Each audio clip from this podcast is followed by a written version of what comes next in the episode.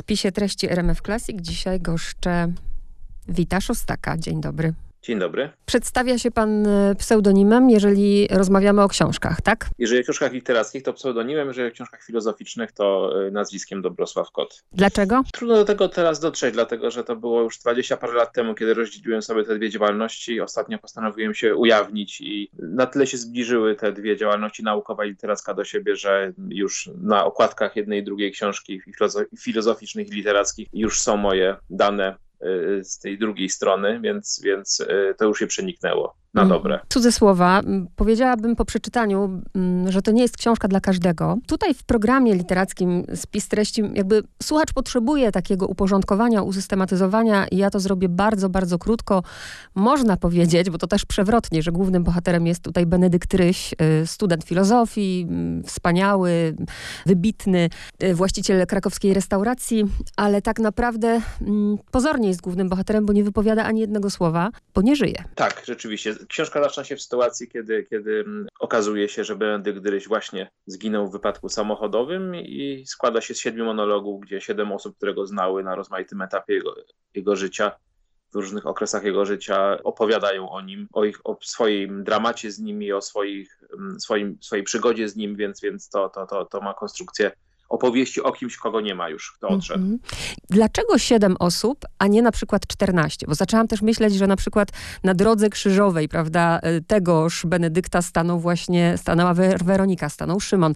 Dlaczego nie 14, a na przykład 7, albo dlaczego nie, nie, nie mniej? Tutaj można odpowiedzieć dość przewrotnie, to znaczy ma znaczenie, ale miałaby jeszcze bardziej liczba 8. Pierwotnie miało no tak. być 8 narratorów, 8 narratorów. Miał być ojciec Józef, który jest, y, profesor, czyli ojciec duchowy, przyjaciel z dzieciństwa, przyjaciel z młodości, y, pierwsza kobieta, ostatnia kobieta, przybrany syn i naturalny, rodzony syn, Maciej, który pojawia się w, tam w drugim planie. I nie napisałem y, z kilku powodów narracji Macieja. Więc każda postać miała być niejako zdublowana, każdy narrator miał być zdublowany przez kogoś innego i narracji miało być osiem. Natomiast stwierdziłem w pewnym momencie, że nie mam już żadnego pomysłu na Macieja, żeby powiedział coś zupełnie nowego względem tego, co powiedzieli inni. I on jest obecny, podobnie jak Benedykt, tylko w opowieściach innych, więc Stąd ta forma jest niepełna jest siedmiu narratorów, którzy starają się o tym Benedykcie jakoś opowiedzieć. Bardziej chcę się skupić na tym, nad cudzymi słowami, bo pierwsza rzecz, czy tak naprawdę mogę dowiedzieć się, kim był Benedykt, jeśli on nie jest dopuszczony do głosu, ale z drugiej strony, jeśli Benedykt by został dopuszczony do głosu, to czy mogłabym mu wierzyć? Bardzo ważne jest tutaj y, w tej książce pojęcie mitu. Tak, y, to jest tak, że właściwie każdy z tych bohaterów, y, narratorów buduje jakiś mit Benedykta, a zbudowawszy go burzy ten mit Benedykta Benedykta, prawda? To jest ciągłe budowanie i burzenie mitu i ten Benedykt jest odsłaniany przez pewną formę, która ma struktury mitologiczne na wielu poziomach. No i to jest bardzo dobra uwaga, to znaczy, że być może gdyby Benedykt był dopuszczony do głosu i cała ta książka byłaby monologiem Benedykta, to wcale nie bylibyśmy bliżej prawdy. Dlatego, że Benedykt budowałby zupełnie inny mit na swój temat, zupełnie inną opowieść. Każdy z nas, kiedy opowiada o sobie, zresztą ci narratorzy opowiadają w dużej mierze o sobie samych, w niewielkim stopniu o Benedykcie. Myślę, że w jakiejś jednej czwartej mówią o Benedykcie, a w trzech czwartych mówią o tym, kim sami są, kim sami byli i o swoim życiu. Ta opowieść, która byłaby usankcjonowana tym, że opowiada to sam Benedykt, w jakimś sensie byłaby też wadliwa. To znaczy, ona miałaby w sobie y, liczne mankamenty związane z tym, że każdy z nas tworzy mity na swój własny temat. Niektóre mity tworzymy świadomie na użytek innych, bo chcemy być tak, a nie inaczej postrzegani, chcemy, żeby ludzie nas tak, a nie inaczej widzieli,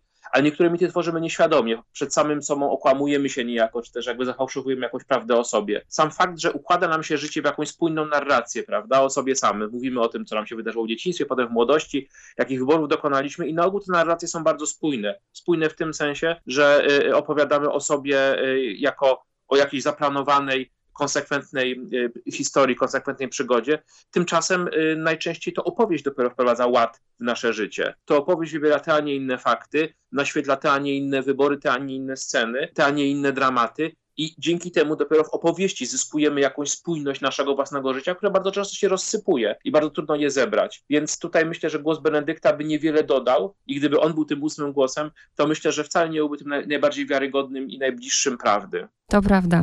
Tak samo fajny zabieg z tym, że my jako czytelnicy dowiadujemy się na przykład o jego doświadczeniach z Jakubem, a nie dowiadują się inni bohaterowie, którzy znają Benedykta na przykład. Każdy jakby widzi go poprzez, y, poprzez siebie i swoje doświadczenia. I świetny pomysł z tymi wykreśleniami. Ja na początku nie wiedziałam o co chodzi, jak pierwszy raz zobaczyłam tę książkę i okładkę i sobie myślę w ogóle o co, o co tu chodzi.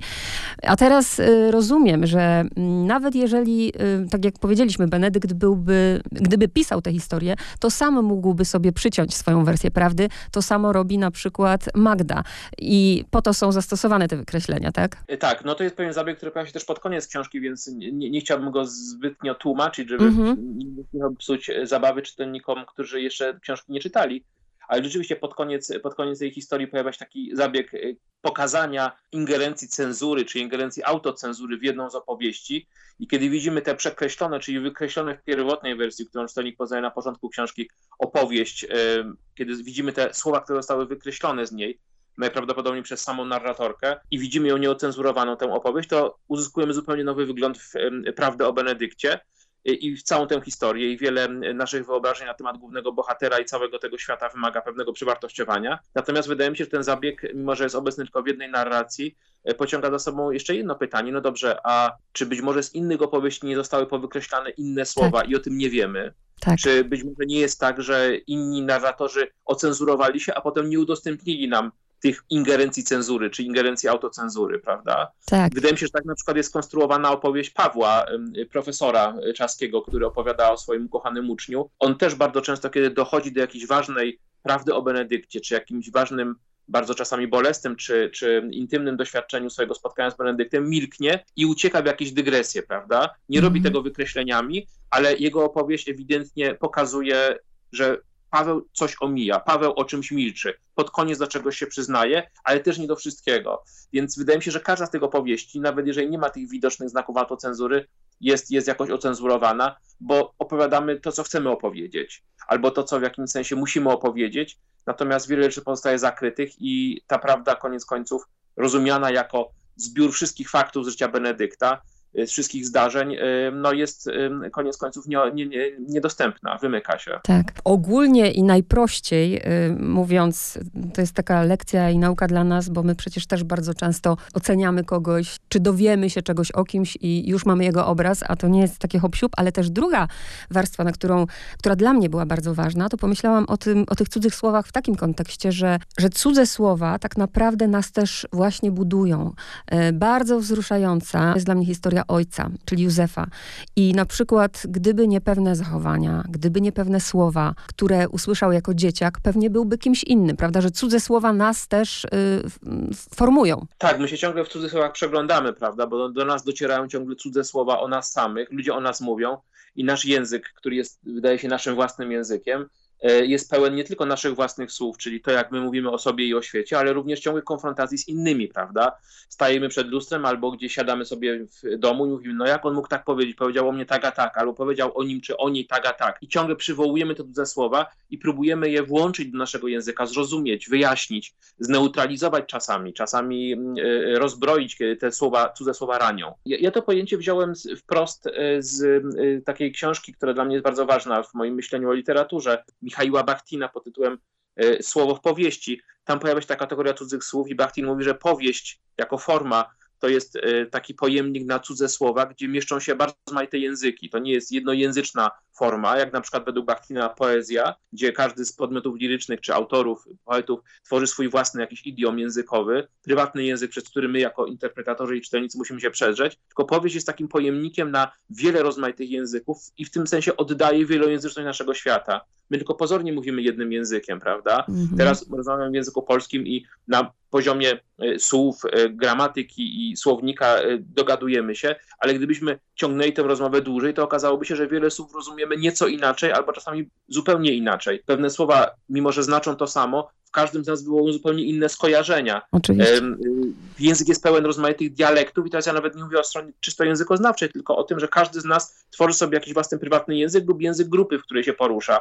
E, innymi słowy, jednolitość tego języka jest czymś zupełnie, czymś zupełnie pozornym i ja chciałem to rozbić, chciałem pokazać, jak świat rozsypuje nam się na różne narracje i, i różne, ba, bardzo różne sposoby opowiadania, prawda? Bo ta opowieść Józefa, którą tutaj pani przywołała, ma zupełnie przecież inną też formę językową Tak. i nawiązuje do innej tradycji literackiej niż na przykład e, e, gry językowe, które prowadzi Magdalena. Tak, właśnie ubiegł pan moje pytanie, ale w- sumie już dostałam odpowiedź, bo rzeczywiście nie chodzi tylko o styl i o język, ale sposób budowania świata. To była chyba taka największa trudność, tak mi się przynajmniej wydaje, przy pisaniu tej książki, że, że musiał pan jakby wejść w skórę siedmiu osób i żyć mieć ich doświadczenia i poprzez pryzmat tych doświadczeń po prostu ich tworzyć. Bo tak naprawdę to jest też bardzo ciekawe, że oni o Benedykcie mówią pośrednio, a tak naprawdę mówią o sobie. Ja każdego z tych bohaterów poznałam i na przykład bardzo dziękuję właśnie za to, za tą perspektywę właśnie ojca. Chociaż tu się zastanawiałam, czy ten ojciec pisał do tego synka, bo tam zwraca się do niego gałganku i Ta perspektywa ojca mia, mia- miała nawiązywać jak najbardziej do e, języka mówionego, ale tutaj w e,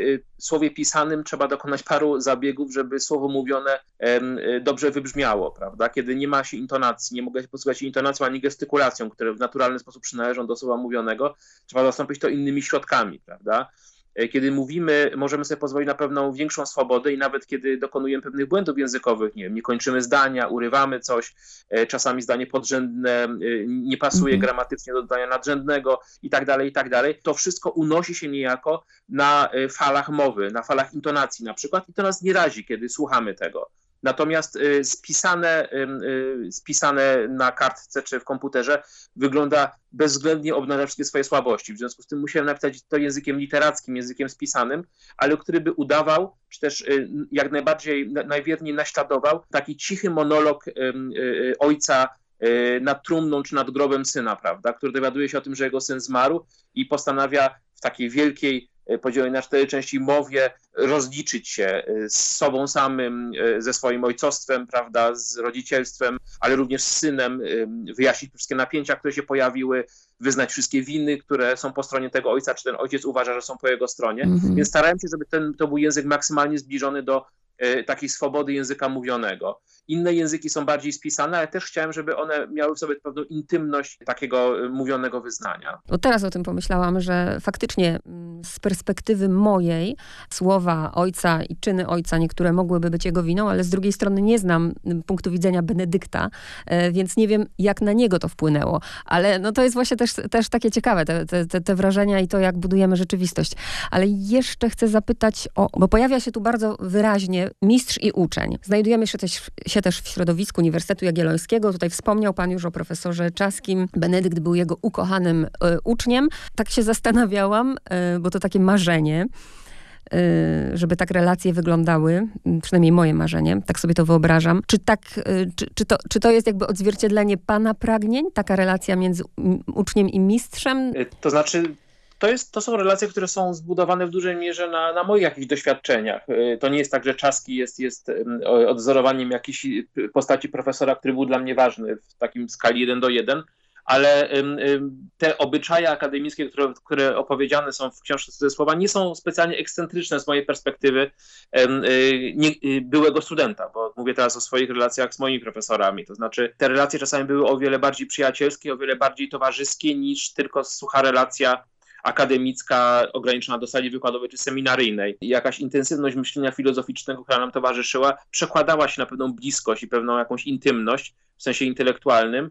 Ym, Więc wydaje mi się, że, że, że, że- to nie jest e, zupełna kreacja z mojej strony, czy też jakby tylko wyrażenie pewnego marzenia, które jest zupełnie niedostępne. Nie wiem, jak to wygląda teraz, dlatego że ja sam jako y, już profesor, pracując na uczelni, nie mam takich relacji ze studentami, ale to wynika też trochę z tego, że ja wykładam na uczelni, gdzie nie ma filozofii jako kierunku, w związku z czym wykładam kierunek dla tych studentów w gruncie rzeczy poboczny i, i siłą rzeczy te relacje no, nie, nie, nie przekraczają pewnych granic właśnie sali akademickiej czy sali wykładowej, teraz ym, y, zunifikowanej prawda, w nauczaniu przez Zoom, gdzie ja siedzę po jednej stronie, a studenci po drugiej stronie y, łącza. Natomiast wydaje mi się, że, że, że takie relacje bywały, zdarzały się do tej pory się zdarzają, mam nadzieję, na niektórych kierunkach, zwłaszcza humanistycznych, i że one jakoś tworzą pewną osnowę uniwersytetu, prawda? Poza tym, co widać na zewnątrz, jakimś, prawda, zewnętrznym e, sztafarzem uniwersytetu, e, wszystkimi regulaminami, zasadami i tak dalej, jest gdzieś jakaś podskórna tkanka relacji bardzo głęboko międzyludzkich i też w związku z tym międzyludzkich napięć, e, mhm. które budują uniwersytet. Tak, właśnie, relacje, rozmowy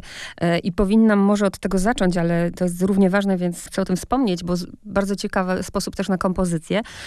Zbudował pan tę książkę tak, jak jest zbudowany, można powiedzieć, posiłek od przystawki pierwszego dania drugiego. Zdziwiłam się może trochę, że jest deser, bo deseru w restauracji Izola nie było, e, ale właśnie jakby pokazywanie też e, Benedykta i tego, kim był, poprzez smak, gotowanie. Gotowanie i kuchnia w ogóle jest dla, dla Benedykta i dla całej tej książki bardzo ważne. To nie jest tylko um, pewna konieczna czynność, którą musimy wykonywać, żeby przeżyć, prawda, bo musimy odżywiać się, tylko rzeczywiście Benedykt stara się razem z Weroniką uczynić e, z gotowania jakiś rodzaj sztuki, mhm. albo może nawet więcej, jakiś rodzaj nawet religii dla swoich przyjaciół i później, jak się okazuje, również y, wyznawców. Więc ta restauracja staje się pewnym rodzajem świątyni, gdzie on jest jakimś kapłanem celebrującym jedzenie, kuchnię i gotowanie i tradycję kulinarną.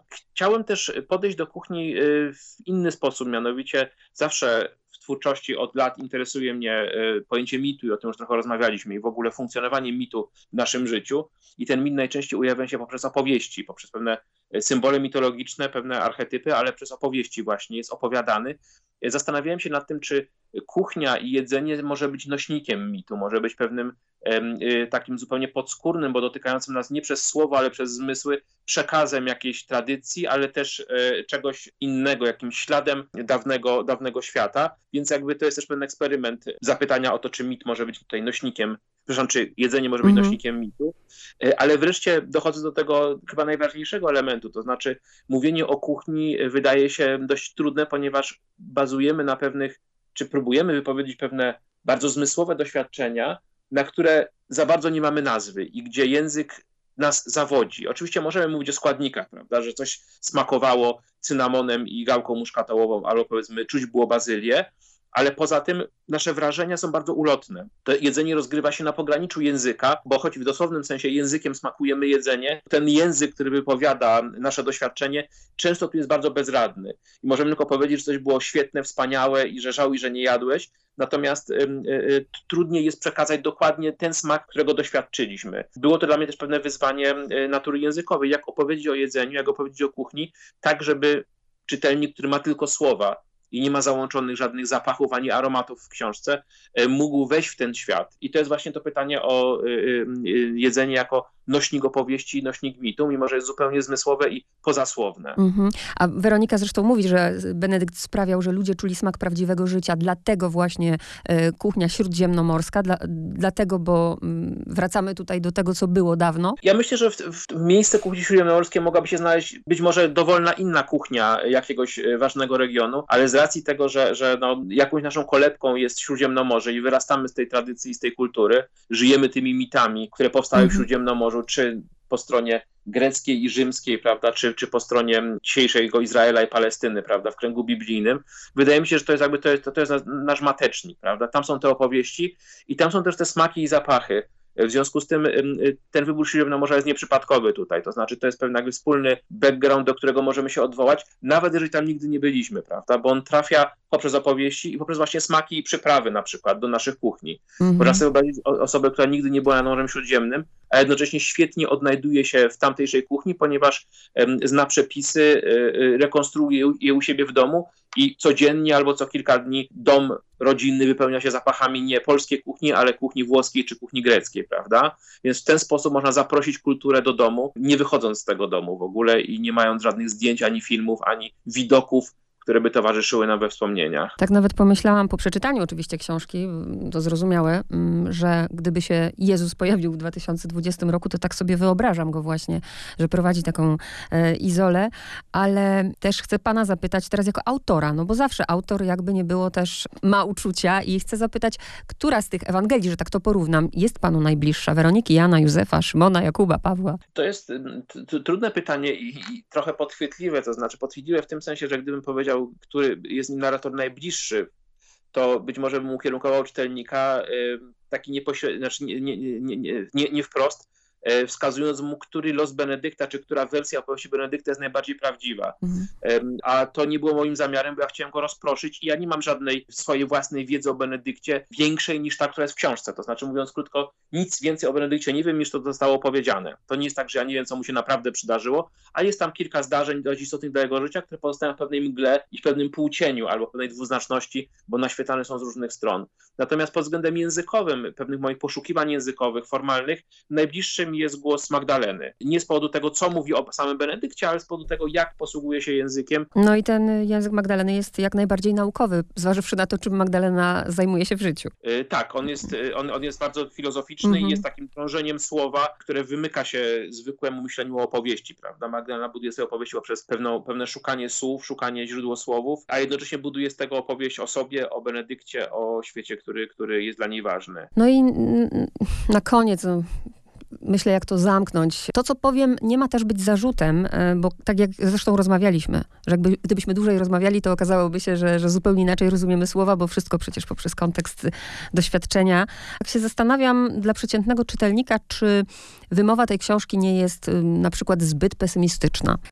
Jeżeli ta książka jest pesymistyczna, ja się zgadzam z tym, że ona nie daje jakiejś wielkiej nadziei, to może wynika z mojego jakiegoś takiego podejścia do literatury w ogóle. To znaczy, e, uważam, że literatura raczej nie powinna dawać nadziei, tylko powinna raczej rozbijać nasze pewne iluzje na temat rzeczywistości. I, i czasami tkwimy w takim być może zbyt dobrym sam, poczuć, samopoczuciu czy samozadowoleniu, że wszystko jest poznawalne i zrozumiałe i to samopoczucie z jednej strony jest wygodne, bo się czujemy w nim bezpiecznie, ale z drugiej strony jest kompletnie nieprzydatne, bo świat jest o wiele bardziej skomplikowany. Mm -hmm. Kiedy wydaje nam się, że nie ma w świecie konfliktów i napięć, to potem nagle jesteśmy przerażeni tym, że dookoła wszędzie są wojny, mówiąc w uproszczeniu. Więc ja raczej w powieściach staram się pokazywać y, te elementy, które być może nie są najweselsze, czyli tracenie, utratę, burzenie czegoś, y, tracenie złudzeń i tak dalej. Nie wynika to z jakiegoś mojego życiowego pesymizmu, ale raczej z tego, że mam poczucie, że literatura raczej temu służy niż dawaniu jakiegoś pocieszenia, które na ogół jest zbyt łatwe. Bardzo panu dziękuję za rozmowę. Dziękuję również.